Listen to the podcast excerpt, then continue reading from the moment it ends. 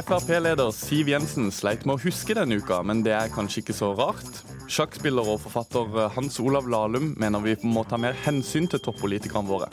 Og vi får hjelp av nobelprisvinner til å huske bedre. I dag sitter tusenvis av nordmenn klare rundt om i hager og naturen ellers for å telle fugler. Hvorfor det? Det svaret får du om litt. Mohammed topper navnestatistikken i hovedstaden, noe Helge André Njåstad reagerer på. Han møter Mohammed Osman Rana i debatt senere i Ukeslutt. Velkommen til Ukeslutt. Jeg heter Daniel Eriksen. Helt først skal vi snakke om eh, skal vi, Hva var det vi skulle snakke om igjen? Jeg husker ikke det. Jeg har gått gjennom kalenderen min. Så sannheten er at jeg ikke husker dette. Men jeg husker det altså ikke. Og det er ingen spor av at jeg har hatt et slikt møte. Men hadde jeg sagt noe annet, så hadde jeg ikke snakket sant. Da hadde jeg faktisk løyet. For sannheten er at jeg ikke husker dette. Ja, det var det, ja. Hukommelse, eller mangel på, har vært en av ukas store snakkiser i det politiske Norge. Frp med Siv Jensen i spissen har fått mye kritikk for at ingen i nåværende eller tidligere partiledelse husker at de ble varslet om at Frp-politiker Ulf Leirstein bl.a. foreslo trekantsex med en mindreårig FPU-er. Men det er ikke alt som er like lett å huske. Bare hør her. Hvor god hukommelse har dere? Å, veldig dårlig har jeg. Ja, jeg Hva er det dere glemmer, da? Telefonen. Ting vi skal ha med oss, liksom. Nei, gud, det går ikke an å svare på det. Jeg husker det jeg vil huske, og så glemmer jeg det jeg ikke vil huske. Hva er det verste du har glemt? Lommeboken på taket på bilen jeg kjørte av gårde. Matvarer på butikken er jo Ja, og så har jeg glemt bikkja utafor butikken en gang. Så ja, det er mulig å glemme. Det verste jeg har glemt? Nei, det kommer jeg ikke på i farta. Husker ikke. Nei, husker ikke. Nettopp. Husker ikke. Hva er det som gjør at vi glemmer? Ukeslutt går helt til topps med spørsmålet, og spør selveste nobelprisvinner og hjerneforsker May-Britt Moser. Det å glemme fullstendig, det er, er, også en komplisert prosess. fordi det ene du kan spørre om, det er har du i det hele tatt koda det inn. Så når vi er i selskap og du kommer og presenterer deg, sier hva du heter og ansiktet og sånne ting, så, så, så, går ting så fort. Og du står bare og tenker på ditt eget navn og ikke på den som presenterer. Så da har ikke du koda inn, så klart da husker ikke du heller. Um, og så er det, når vi sover, så rydder hjernen opp. Så det som ikke har fått en sånn tag på seg som er interessant, det blir gjerne borte. Og en sånn tag som gjør at det er interessant, det er hvis vi er blitt emosjonelt involvert eller er veldig motivert for å huske noe. Look at that, Mrs. Hudson. Quiet, calm, peaceful. Isn't it hateful? Oh, I'm sure something will turn up, Sherlock. A nice murder. En som husker mer enn de fleste, er mesterdetektiven Sherlock Holmes. Har du sett TV-serien, kjenner du nok til hans måte å visualisere minnene på, og bygge et slags tankehus med ulike rom for ulike minner. Et memory palace som han besøker for å finne fram det han trenger å huske. Det er også et av Moser sine tips til folk og politikere som vil huske litt bedre. Hvis du skal huske kjedelige rekker av ting, handleliste eller sånne ting, så er det Memory Palace ekstremt uh, nyttig. Men, men, men, hvis du skal lære deg om et tema, så er det å prøve å få informasjon fra veldig mange kilder. Fordi da har du mange knagger å henge den informasjonen på, og da sitter den veldig mye bedre. Og så sove. Tips der fra May-Britt Moser sammen med Edvard Moser, som altså fikk eh, første norske nobelpris i medisin eh, for hjerneforskninga si i 2014. Hans Olav Lahlum, historiker, sjakkspiller og SV-politiker, men det er ikke politikken vi har invitert deg for nå. Hvordan vil du beskrive din egen hukommelse? Jeg har flere hukommelser. Noen av dem er veldig gode, og noen er veldig dårlige. Og det er jo en interessant ting å se. også blant mennesker man skulle tro og ofte oppfatter av god hukommelse, at noen av dem husker enkelte ting veldig godt, og andre ting veldig eh, dårlig. Eh, det er jo et begrep med selektiv eh, hukommelse her, og det er også ulike måter å huske ting på. altså Nå har jeg jo brukt uken til å kommentere en viss Magnus Carlsen som spiller sjakk. Han har en helt fantastisk hukommelse til å eh, huske sjakkpartier. Både egne partier og andre, og geometriske mønstre som opptrer på sjakkbrettet. Det er ikke dermed gitt at han har veldig god hukommelse til å huske igjen alle mulige andre eh, ting. Ylva Østby, du er spesialist i klinisk nevropsykologi på Universitetet i Oslo. Kan man til en viss grad velge hva man vil og ikke vil huske? Ja, kunne man bare det? Det hadde jo vært veldig veldig fint. Om man kunne bare bestemme seg for uh, måte, alle de flotte øyeblikkene man gjerne skulle hatt med seg videre i hukommelsen. Men, det er kanskje ikke så vel? Det er jo ikke så enkelt. Um, glemselen tar uh, hensynsløst en stor jafs av det meste av livet vårt, egentlig. Men um, altså man kan gjøre ting bevisst, selvfølgelig, for å huske ting. F.eks. sånn som May-Britt Moser snakket om å bruke husketeknikker og, og bruke eh, Legge inn en innsats på å lage mange ulike knagger til det man skal huske. Sånn som Sherlocks Mind Palace. Vi skal ja. tilbake til dere to, men først skal vi snakke litt med Elin Wiggen Dahl. Du har opplevd å miste hukommelsen skikkelig. Du sto på jobb i butikken og skulle gjøre opp kassa som vanlig, men opplevde å ikke huske noen ting plutselig. og den Grunnen til det var rett og slett utbrenthet. Hvordan, hvordan var det? Nei, det var jo veldig forferdelig egentlig å ikke klare å komme på de tingene du skulle gjøre til, som du gjorde til vanlig. Ja, Hvordan vil du beskrive den følelsen av å huske de tingene du vanligvis ikke husker? Til å begynne med så var det jo veldig Du, du fant jo ikke igjen det oppi hjernen din. liksom det, det, var, det var jo bort. Det opplevdes sånn. Hvordan eh, fikk du tilbake hukommelsen? Eh, det var jo en lang prosess å få tilbake den. Eh, eh, og det var jo mye trening. Både med å ja, trene kroppen fysisk, og så ble det å trene hjernen. Da. Og da var det ulike programmer som jeg har vært med på å trene. Hvor, hvor lang periode var det du glemte? Sikkert eh, ja, en par år i hvert fall som det var det verste. Og så ja, få hjernen til å huske tingene igjen. da, og Lære seg å snakke og få tilbake språket sitt. og Ylva Østby, eh, Eli Wiggendal sier, eh, eller hun fikk hukommelsestap av å være fryktelig sliten, utbrent som man mm. kaller det. Kan man få hukommelsestap av å være sliten, eller krever det en spesiell situasjon? Eh, det hun peker på, er jo selvfølgelig eh, noe som angår veldig mange mennesker. At eh, det å streve med hukommelsen er mye vanligere enn det vi tror. Både ved depresjon og utbrenthet og ved en rekke nevrologiske lidelser og også psykiske vansker. Så kan man få problemer med å huske ting som man allerede har lært inn, men også å innkode det som skal huskes.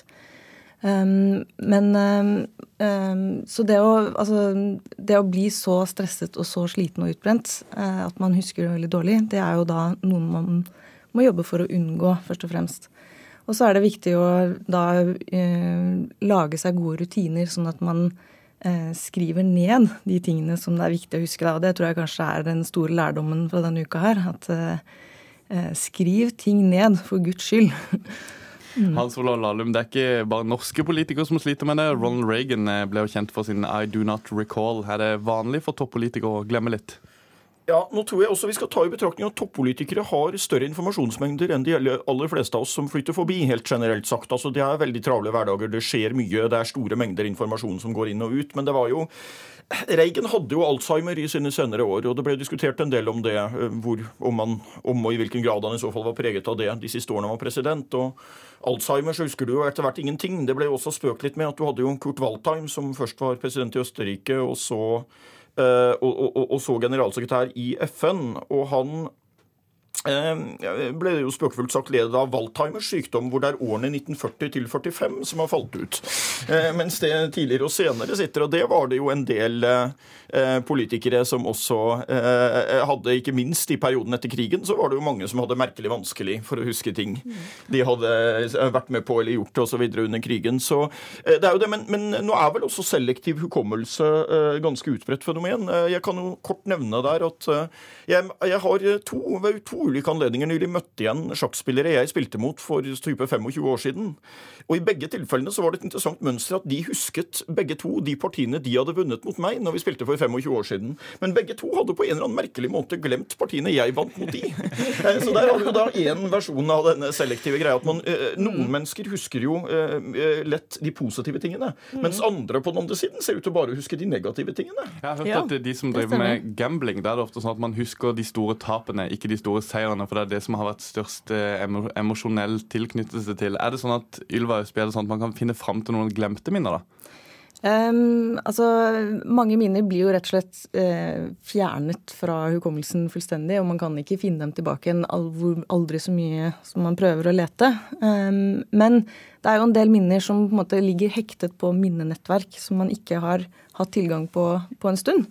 Eh, og som man kan bli minnet på fordi at eh, det gjennom assosiasjoner osv. Og, så og på den lukt måten så Ja, lukt f.eks. Mm. Man kjenner jo all den følelsen av å kjenne en gammel lukt fra gamle dager, og så mm. vekker det masse minner som man trodde man hadde glemt.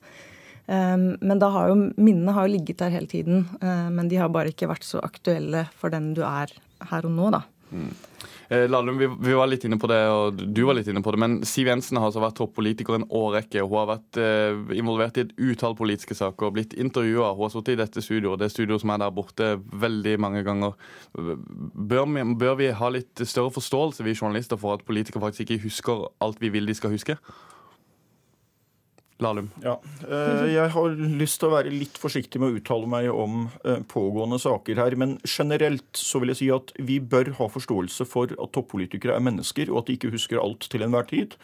Og så er det noen ganger hvor det er så å si så store eller så oppsiktsvekkende ting at du liksom tenker at det må de da huske. Jeg kan for øvrig nevne fra mitt arbeid som historiker at jeg har noen ganger opplevd å intervjue tidligere politikere som så å si har vært store menn i sin tid. Og Der er det et litt interessant fenomen som går igjen, og det er at hukommelsen blir ofte dårligere når de blir eldre. Eh, men det blir da ikke selvtilliten. Eh, så de fortsetter å uttale seg med samme pondus og slå like hardt i bordet og si bombastisk at slik var det. Og så kan du veldig lett slå opp i bøker og finne ut at slik var det absolutt ikke. Det var ikke det året, det var type ti år før eller et eller annet sånt. Så eh, det er det. Men, men, men, men generelt det er viktig å huske at toppolitikere er mennesker, og som de fleste av oss, så har de da ikke en perfekt hukommelse. Du, du, er jo selv mye intervjua og fortalte du er jo på en del sånne litteraturting og alt mulig i løpet av et år, flere år på rad. Husker du alt du skal?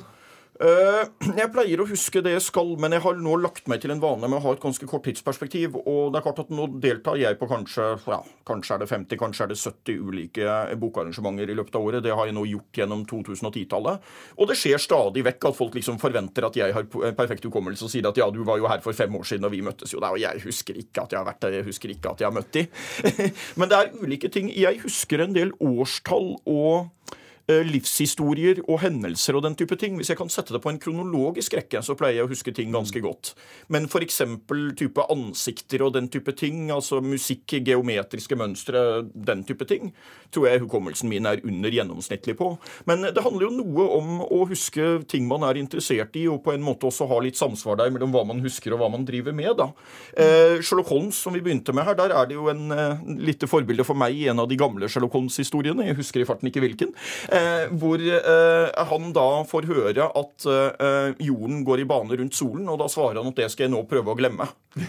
fordi det bare tar opp unødvendig plass, og jeg har ikke noe som helst bruk for å huske dette i mitt arbeid. Og så imponerer han da stort med veldig god hukommelse på ulike andre ting. En, en studie i Rødt. vi, er, vi, er, i hvert fall veldig glad her i Ukeslutt for at dere husker å komme hit. Hans Ola Lahlum og Ylva Esby, takk for at dere kunne komme hit. Denne helga er helt spesiell for fugleelskere i Norge, Sverige og Danmark. Akkurat nå arrangeres nemlig Hagefugltellingen 2018, som går på at eh, ja, du skal telle fugler i din egen hage. Det her må vi høre noe mer om. Uh, utegående reporter Julie Groseth, jeg vet du har skaffa deg en veldig god plass uh, på et utkikkssted i Oslo. Blir det noe fugl? Nå er jeg i Botanisk hage, og jeg er sammen med Odd Audun Granås, og vi titter etter fugler. Eh, det er jo noen her, da? Ja, det er veldig mange. Det, dette her er jo en uh, fuglerestaurant vi har havna på nå. da. Så uh, det er helt klart at her er det veldig mye meiser, gråsissik, stjertemeise. Men akkurat nå ble det litt stille, for hvis vi ser opp i toppen der oppe, ja. bak der, så sitter det faktisk en spurvehauk. Og den har jo lyst på et lite måltid nå, det er det ikke tvil om. Så, men du, hvorfor er du så interessert i å, å titte på fugler? Fugler er egentlig spennende. Det er veldig mange arter. Det er eh, forskjellig fra år til år. Noen ganger, sånn som i år, er det veldig mye gråsissik som har eh, kommet hit fra østlige strøk. Så det er sånne store invasjoner. Og dessuten er det veldig bra for den mentale helsen. Ja, Er det det? Blir du litt lykkeligere? Alle blir litt lykkeligere av å se litt på fugler, det er jeg helt sikker på. Det blir det. Men du, nå er vi i Botanisk hage, og vi ser at det er masse fugler her. Men hvorfor er det så viktig å telle fugl? Det å telle fugl det har noe med statistikker å gjøre. Det er også for å få opp interessen blant folk i forhold til fugler. Fugler er viktig, som sagt. Og det er klart at eh, det, det med statistikker det gjelder nok bare de, de som det er mest av. Sånn som blåmeis, eh, svarttroster, gråtrost, sissik, som jeg nevnte. Men, eh, men, det viktige med det er som sagt statistikk, men det er også det at folk må lære seg forskjellige fugler, og dette med den mentale helsen, som jeg var inne på. Ja, Men eh, hvordan har du brukt lang tid på å lære deg forskjell på disse fuglene som vi ser her? Nei, som sagt, altså jeg, jeg er jo fra området rundt Østersjøen, og da er det litt sånn, blir det med, litt med barndommen at du venner deg til fugler og du ser fort forskjeller, altså. Dessuten så er det jo å være medlem i en ornitologisk forening, så er det jo både pizzakvelder og kurs og foredrag, så her får man med seg mye. det, er greit. Ja. Men du, vi er ikke alene her, det er jo mange rundt oss som også tar bilder? Ja, dette er profesjonelle, vet du. De tar flotte Du ser jo det kamerautstyret de har. altså De tar de flotteste bildene som er og legger ut på nett, ikke sant. Dette er helt klart. Jeg ser en her som i hvert fall er med i Ornitologisk forening i Oslo og Akershus. Så det er stor interesse, ja absolutt. Du, hvordan utfører man eh, denne registreringen? Registreringen gjøres med at man bruker, har som regel med seg en, eh, en feltdagbok da, og noterer ned altså det største antallet fugl av forskjellige arter som man ser på et tidspunkt. Det er det man teller. Og så legger man det inn i en artsdatabase etterpå, når man f.eks. kommer hjem da, og gjør det. Og her skal du, vi fortsette litt til å se på fuglene, tenker jeg. Ja, det syns jeg vi skal gjøre. Det er klart at uh, Du kjenner det på helsa at det blir bra, ikke sant? Ja, jeg kjenner jeg, jeg, kjenner jeg blir litt lykkeligere. Takk, eh, reporter Julie Groseth. Og Ble du inspirert til å gå ut og telle fugler, ja, da er det bare å hive seg rundt. Tellinga foregår hele helga, du kan registrere deg på fuglevennen.no. Denne uka har flere idrettsutøvere fått beskjeden om at de er vraka til OL. Men eh, hvordan er det egentlig å bli vraka? Det får du høre mer om snart her i Ukeslutt. Mohammed topper navnestatistikken i hovedstaden, noe FrPs Helge André Njåstad reagerer på. Han møter Mohammed Osman Rana i debatt straks her i Ukeslutt. Hiphop ble denne uka bannlyst i Kina, og vi får besøk av rapperen Tommy T, som skal fortelle oss hva som er greia, og om hiphop er farlig eller ikke.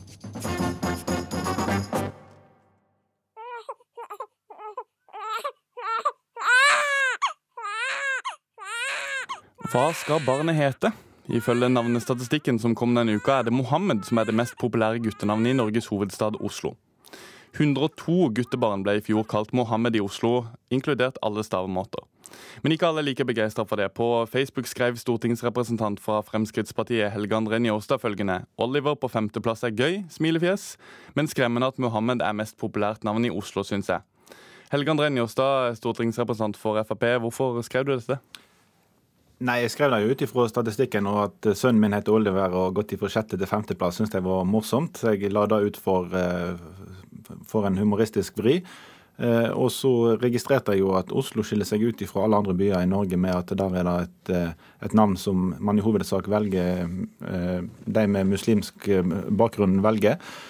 Eh, og at Oslo da skiller seg ut, eh, føyer seg inn i rekken av at eh, i Norge så har vi hatt veldig stor innvandring til Oslo. Innvandringsbefolkningen der er stor, og jeg syns det er skremmende. Fordi ja, du, var, at, du var litt inne på det, men du skal få lov til å si hva, hva mener du det viser?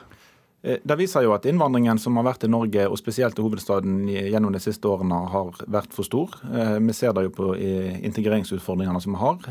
og når jeg la det ut, så var ikke det for å på en måte skape Hva var tanken? Det lurer Nei, på det. det var, for å være ærlig så var det ingen tanke med det. det. det. var noe som jeg la ut spontant. Eh, men det gir oss jo en anledning til å diskutere innvandringspolitikk og integreringspolitikk, som er viktig for Fremskrittspartiet. Og vi har jo påpekt lenge at eh, innvandringen til Norge har skapt store integreringsutfordringer. Ikke så store som vi ser i Sverige, der man har virkelig parallellsamfunn og store utfordringer. Men hvis ikke vi passer på å ha en streng og rettferdig og god innvandringspolitikk og en god integreringspolitikk, så vil vi komme i store utfordringer i Norge òg, som vi har påpekt. Og Den debatten tar vi gjerne, og den er viktig å ta. Før vi går til din motdebattant, kjenner du mange som heter Mohammed?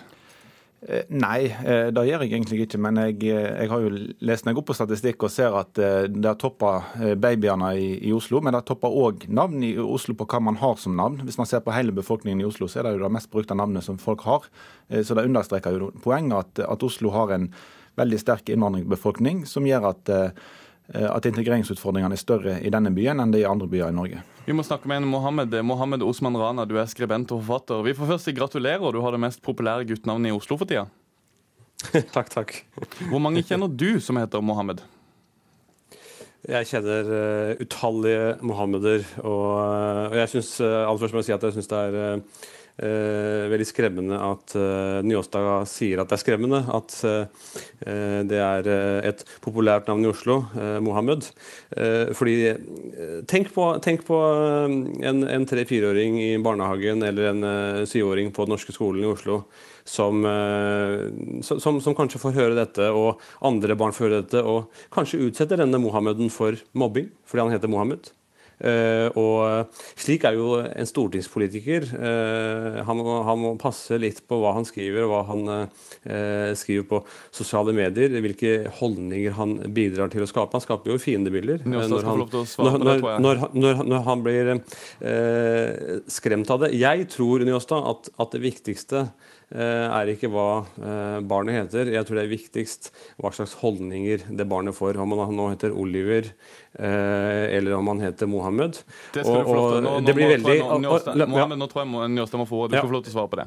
Jo, men Det er selvfølgelig ikke min hensikt at noen skal bli mobba av dette. Og, og, det er ikke noe jeg har aktivt gått ut med i forhold til navnet. Jeg har sagt at jeg har stor sympati for at man velger Mohammed eh, til barna sine, de som, eh, som syns det er naturlig. Det som er skremmende, er at innvandringsbefolkningen i spesielt Oslo er stigende. Eh, som gjør at vi har integreringsutfordringer. Det er det som er, er på en måte reelle utfordringen her. Eh, og Derfor så er vår innvandringspolitikk basert på at vi skal integrere de som kommer på en god måte. og Selvfølgelig skal man ikke stille, stille seg sånn at man blir mobba, men innvandringsbefolkningen i Norge i dag er økende og er stor. Eh, hvis man ser på annen statistikk som er, på en måte enda mer skremmende, så er det jo at blant den voksne befolkningen i Oslo i dag så er 10% medlemmer av et muslimsk trossamfunn. 10% i Norges hovedstad er, er masse. Og Hvis vi ser på framskrivinga, så vil den muslimske delen av befolkningen øke de neste årene, uansett hva alternativ man legger. Og Det er de utfordringene vi adresserer i forhold til vår kulturarv. Så skal vi ta og integrere folk på en god måte, så må vi begrense hvor mange vi skal integrere, sånn at ikke vi, den norske befolkningen havner i mindretall i bydeler, som vi ser kan bli en Eh, konsekvens i Oslo. Det er de, det er de utfordringene vi har. Det er jo interessant å spørre tilbake om eh, er man enig i at det er en utfordring hvis innvandringsbefolkningen i bydeler blir for stor? det skal det, du få lov til å svare på, Rana. Definitivt har vi integreringsutfordringer i Norge. Eh, samtidig så er det veldig mye som går veldig bra. Eh, jeg som heter Mohammed, eh, f.eks. er utdannet lege, og jeg kjenner veldig mange mohammeder som er leger, ingeniører, advokater, og bidrar til det norske samfunnet. Og Hvis du skal snakke om integreringsutfordringer, så må du si at du snakker om integreringsutfordringer, men ikke, ikke snakke om eh, nedsettende om små babyers navn. Da er du med på å bygge fiendebilder om eh, muslimer. Og, og, og, det blir veldig sleivete. Uh, og, når det kommer fra en stortingspolitiker Og du sier jo selv at du ikke kjenner så mange mohammeder. Kanskje, kanskje, du skal eh, ta en kaffe med som heter Mohammed? Jeg inviterer deg gjerne, så kan, vi, kan, du bli kjent med mine holdninger og hvor skremmende de er, eller hvor dårlig integrert de er, eller hvor, hvor godt integrert de er. Jeg tror at det er viktig å være presis i, i, hva man snakker om. Nå er det jo mer presis. Nå snakker du om ja, vi snakker om antall innvandrere, antall muslimer. Og la meg også understreke eh, fremskrivningen til både SSB og Pew Research viser jo at Eh, det er ingen, ingen tegn til at muslimer vil komme i noe flertall. Altså de, det de estimerer, både Pew og SSB, er at i 2050 vil det være ca. Eh, 15 eh, muslimer i Norge. Og det, og det, er jo langt mindre enn kristne og, og ikke-religiøse. Dessuten en muslim er per definisjon ikke farlig i da.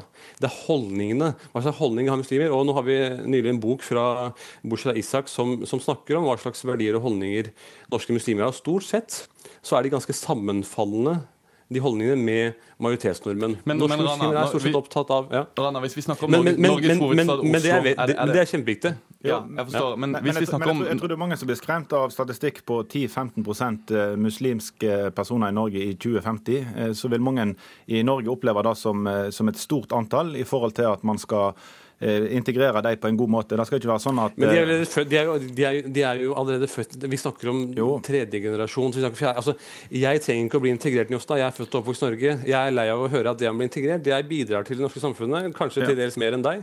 Og og det er- du, du, må- du, du, vi, har må på, du vi må bare dele litt på, vi har ikke altfor mye tid. her. Så Jostein, du må få lov til å svare på bare, bare først om du kan ta dette med Når du legger ut, når du skrev det på Facebook, hva, var det på en måte Handler det om det Rana mener det handler om, eller var det bare en Facebook-oppdatering? Det var bare en Facebook-oppdatering. og jeg synes jo det er litt komisk at, eh, at veien ifra skaper så masse debatt eh, og havner i Nytt på nytt med en Men, men oppdatering går, det på, går det når man er stortingspolitiker? Det var det jeg lurte på. Kan man da bare legge ut en sånn Facebook? Nei, nei, man kan ikke det. Om man er president i Amerika eller sitter på Stortinget, så skal man vege litt hva man legger ut på sosiale medier. Eh, Men at jeg syns det er skremmende at Mohammed er på topp i Oslo, tror jeg er mange som er enig med meg i. At det viser at Oslo har for stor innvandringsbefolkning, og at Oslo har spesielle utfordringer. Vi ser jo at det er bydel etter bydel så havner nesten nordmenn i mindretall i denne byen. Eh, Og det er her man har de største integreringsutfordringene. Eh, Det handler selvfølgelig ikke om å skjære alle under én kam, det vet, vet jeg veldig godt. eh, Og man skal ikke stigmatisere gruppa. Eh, Men ser man i det hele bildet, så, så er det større utfordringer på mange felt. Både kriminalitet, eh, arbeidsgrad, sosialstøttemottakere. Så så er man overrepresentert med eh, innvandrere. Det vet vi at dere mener. Jeg vil bare stille Rana et siste spørsmål før vi, når vi nærmer oss slutten her. For Vi snakker altså om Norges hovedstad, Rana. Er det så rart at det da blir påpekt at navn som ikke var så vanlig for x antall år siden, si 10 eller 20 eller 30, når den når topper navnestatistikken, er det så rart at noen påpeker det?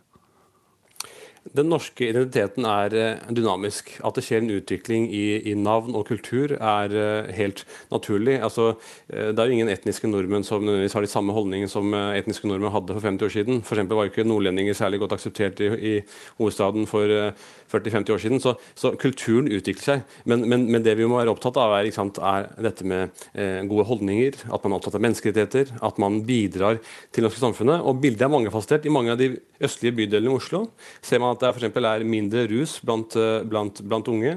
Eh, og man ser også at jenter med minoritetsbakgrunn eh, tar, eh, fullfører videregående i mye høyere grad enn andre. Så bildet er mangefasettert. Det er ikke så sort-hvitt og negativt. Jeg tror at eh, Njåstad bør møte noen mohameder. Og sagt, det- det min, vi min kaffe kaffekonton eh, står ved lag. Så, Det kan vi prøve å få så til akkurat nå. Vi- jeg jeg, jeg. Jeg kan gjerne ta en kopp kaffe. og Jeg har møtt mange Mohammeder, selv om jeg ikke eh, kjenner mange. Så har jeg selvfølgelig gjennom de fire årene jeg var i kommunalkomiteen og hadde ansvaret for, eh, for integreringspolitikken på Stortinget, så har jeg selvfølgelig møtt mange Mohammeder. Og mange bidrar veldig masse. Men at vi har store integreringsutfordringer, spesielt i hovedstaden, er en debatt som vi i Fremskrittspartiet gjerne vil ta. Tusen takk for at dere kunne komme, Helge André Njåstad og Mohammed Osman Rana. Det er snart OL, og mange idrettsutøvere har denne uka fått beskjed om at de ikke får være med til Sør-Korea, blant dem Petter Northug. Og Nylig ble det bråk da skiskytterstjerna Oleina Bjørndalen heller ikke kom med i OL-troppen. Nå får du møte en i et yrke der det å bli vraka eller å ikke nå opp kan være en helt hverdagslig ting. Scenen til 'Handelsreisens død' står liksom der. Og så kjører de fram eh, scenografien til eh, 'Engler i Amerika'. Så bytter de sånn når de forestillingene skal spilles. Møt skuespiller Espen Alknes.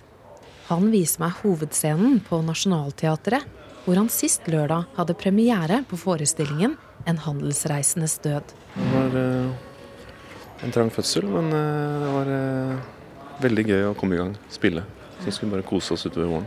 Men det er ikke alltid like enkelt å være skuespiller. Det samme er det for idrettsutøvere. Denne uka har flere fått beskjed om at de ikke får være med til OL i februar. Men hvordan er det egentlig å bli vraka til fordel for noen andre? I løpet av karrieren har Alknes flere ganger måttet se andre for rollen som han selv ville ha. Jeg blir jo skuffa hver gang. hver gang jeg ikke får en rolle, så blir jeg jo skuffa. Man, er jo, man prøver å legge det bak seg på en måte ganske fort. Og så tar man heller vare på de rollene man får. Men det er jo veldig vondt. Det, man tar det jo personlig. Og det er spesielt én rolle han husker veldig godt at han ikke fikk. Da jeg var ti, så var jeg og prøvefilma for eh, en rolle i den filmen 'Herman', som Anders Danielsen Lie spilte i. Da skulle spille Jeg tror det var noen kompiser av han eller et eller annet. Jaha. Hvordan vil du ha det i dag da, Herman? Sånn som broren min. Året er 1990. Filmen 'Herman' blir vist på kinoer rundt om i landet. Og for ti år gamle Alknes var det tøft å ikke få rollen. Da var det ekstremt trist også. Jeg tror jeg lata som for moren min at det ikke betydde så mye, men jeg tror jeg gråt en skvett på rommet. For Alknes skulle det ta lang tid før han igjen prøvde seg som skuespiller.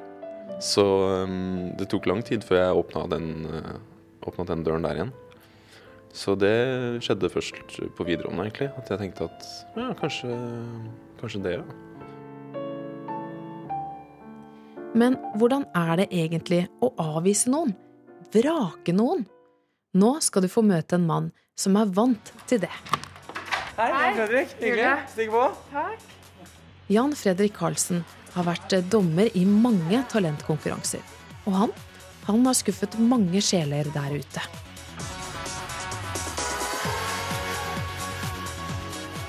Altså, det er jo aldri noe gøy å være den kjipe personen som kommer med en kjip beskjed til en person som har vist frem hele seg med sitt talent, og så skal du formidle det at det her funka ikke for meg. Det er ingen givende oppgave. Og Carlsen mener det handler om å være ærlig når man skal vrake noen, enten det er til OL, en rolle i en spillefilm eller i en talentkonkurranse. Du må bruke ærligheten, og så må du begrunne det med noe som har et innhold man kan forstå.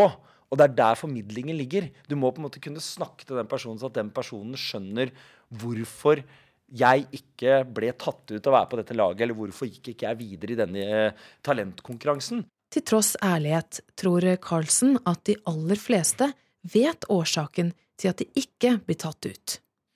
Jeg tror at veldig mange um, har en sånn indre følelse av hva de faktisk klarer å formidle eller gjøre eller utrette. Og hvis det ikke medfører de resultatene man hadde ønsket, så tror jeg man innerst inne er litt klar over hvorfor det blei sånn. Det er jeg ganske sikker på. Fordi at man er så målrettet mot det målet. Man kan føle at det er urettferdig, men man kan også på en eller annen måte forstå det. Og ei som har opplevd akkurat det, er håndballkeeper Katrine Lunde. Etter å ha spilt for det norske håndballandslaget i en årrekke ble hun gravid. Og året etter ble hun vraka. Det så hun ikke på som et nederlag. Men så kom verdensmesterskapet i 2015. Da måtte hun se seg slått av to andre. Du føler det liten. altså Det er noe du jobber for lang tid. At du skal være med i et mesterskap og masse følelser. og det, er jo en, det kan være en litt sånn vanskelig periode akkurat når det skjer, ja.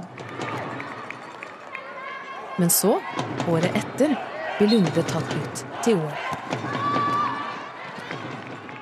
Det var veldig deilig. Da var jeg jo litt sånn nervøs på forhånd, for da vet man at man har vært vraker før og vet hva det, det innebærer. Og OL er jo veldig spesielt. I hvert fall i håndball og de fleste idretter så har man liksom en, et mål for, for, hvert fjerde år hvor det er OL, og det, det kommer veldig sjelden for oss. og Da er det ekstra, ekstra moro å være med, og, være med på det. Så det var veldig lettelse. Jeg må si Det er lenge siden jeg har vært så glad for å være med på et mesterskap.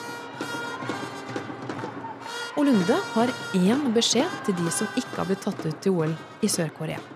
Det viktigste er jo at de fleste elsker det de holder på med. Så de må bare opp igjen og jobbe videre og sette nye mål som de bare begynner å jobbe med med en gang. Så det handler vel egentlig om å aldri gi opp når du blir vraka. Lunde kom seg til OL, og skuespiller Espen Alknes har senere spilt i både Øyevitne og Himmelblå. Man må jo ha en litt sånn, litt sånn stoisk tro på seg selv. At man kan få det til. Og så bare gunne på. Så får det til. ja, så får man det til. Denne uka møtte vår statsminister Erna Solberg den kjente hiphop- og soul-artisten Usher under toppmøtet i Verdens økonomiske forum i Davos. Fordi, som statsministerens kontor skrev på Twitter, de har begge et felles globalt engasjement for utdanning og helse. Bare hør her. Nice to meet you. Good to see yes, good to see you. This is a soccer ball. We use this for young people's uh, tournaments. Right. Anybody have a pen? We need a pen. Der hørte vi altså Erna Solberg som møtte Usher, men samtidig, på den andre sida av verden, ser de kinesiske myndighetene litt strengere på denne musikksjangeren. Denne uka ble hiphop rett og slett bannlyst på TV i Kina. Det har de kinesiske myndighetene bestemt. Vi skal få vite litt mer om hvem, hva, hvor og hvorfor. Men eh, Tommy T, du kalles norsk hiphops gudfar og er programleder i National Rap Show, som har gått ikke like lenge som ukeslutt, men ganske lenge. Ja. Eh, er hiphop farlig? Fredager klokka ni for øvrig på P3. Hiphop er farlig. Eh, ikke gi unga hiphop eh, før sporten tar dem, eller omvendt. Nei da. Altså, hiphop er det som er vanskelig. Hiphop er en undergrunns ungdomskultur som, som, på en måte hadde Vi kan prate om historien til hiphop tilbake i, i, i Bronx, New York på, på 60- og 70-tallet som en slags arvtaker av gjenger der. Så du må se hiphop i en sosiopolitisk sammenheng, først og fremst, hvor, hvor utspringet kom fra. Så det er en selvdreven kultur med eget fokus. Og det er skummelt for alle makthavere i hele verden. Det var skummelt da Ice-T uh, ga ut låta 'Cup Killers' med Body Count uh, tidlig på 90-tallet.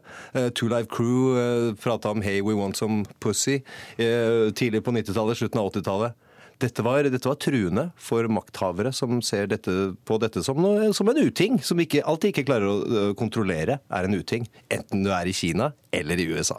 Et forbud mot eh, hiphop og R&B-kultur høres ut som noe som er litt vanskelig å håndheve. Kristin Dalen, forsker hos Fafo med Kina som fagfelt. Hvem er det som har funnet på dette forbudet, og hvorfor? Det er det overstatlige organet for eh, kontroll med populærkultur og underholdning. De har et eh, langt og vanskelig navn som jeg ikke skal prøve å uttale engang. Eh, men de har da funnet ut at de skal forby opptredener på TV og i underholdningsshow av artister eller eventuelt skuespillere som representerer noe som eh, kan assosieres med rap og hiphop, og da igjen bryter med en slags sånn samfunnsmoral, eller kanskje det er de sosialistiske kjerneverdiene som Xi Jinping har dratt opp som et mål for Kina. Jeg så jo bl.a. En, en artist som hadde blitt sensurert De hadde sensurert bare gullkjede. Altså ikke ansiktet eller noen ting, men bare gullkjede. Hvordan, hvordan har de planer om å håndheve dette? Jeg tror, jeg, jeg tror, det blir veldig vanskelig. Nå er det vel først og fremst eh, det som kommer etter hvert. At eh, det blir folk som skal være med på TV-show, blir pålagt å ikke kle seg på en måte som kan være vulgær eller utfordrende. Ikke snakke på en måte som kan assosieres med narkotika, vold. Eh, så, så, det er vel ikke først og fremst det som har vært tidligere, men det er det som kommer etter hvert, som man skal prøve å, å få opp på en god standard. Tommy T, Hvor viktig er det for denne musikksjangeren å sparke mot makta? Det blir vel ikke særlig bra hiphop av å ikke kunne si noen ting om det du sa nå? Nei, altså Det viktigste for, for, for hiphopkultur er å være, være, seg selv. og Det reflekterer jo ungdomskulturen over hele verden. Så det du putter inn, det er det du får ut.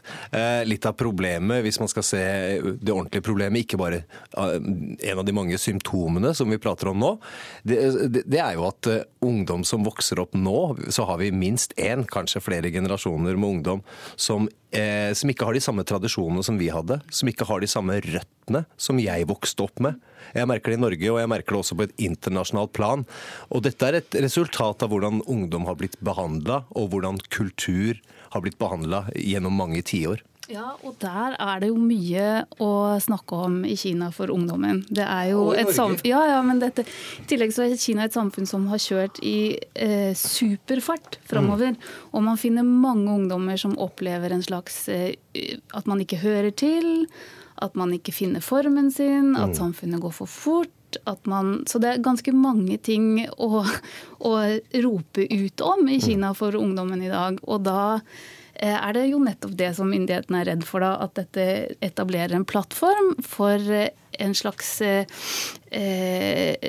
institusjonalisert opprør mot myndighetene. ikke sant? Mm. Og da blir det vanskelig om det er hiphop, om det er feminisme eller om det er menneskerettighetsforkjempere i Kina. Feminisme er det vel kanskje ikke, eller? I rapkultur? Mm, i rap, altså, uh, på en måte, Hovedideologien i rapkultur har i hvert fall sjokkert mange ved, å være kvinnefiendtlig, ved å oppfordre til kriminalitet. med å på en måte, Hvis man går inn og hører på 2001 til Dr. Dre og bare hører én liten sang, så kan det jo virke veldig stygt.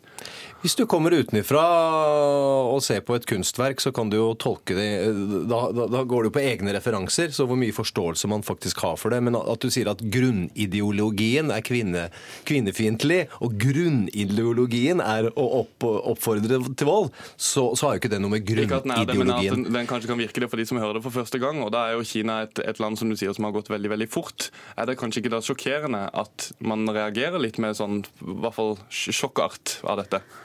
Jeg tror også man må, man må forstå at eh, ingen hadde nesten hørt om dette her før på slutten av 90-tallet i Kina uansett. Så det var ingen forståelse for hva rap og hiphop i det hele tatt var. Man hadde mm. ingen idé om hvor denne kulturen kom fra. Vi hadde kanskje ikke så mye i Norge heller, men i hvert fall i Kina så var det ingen forståelse.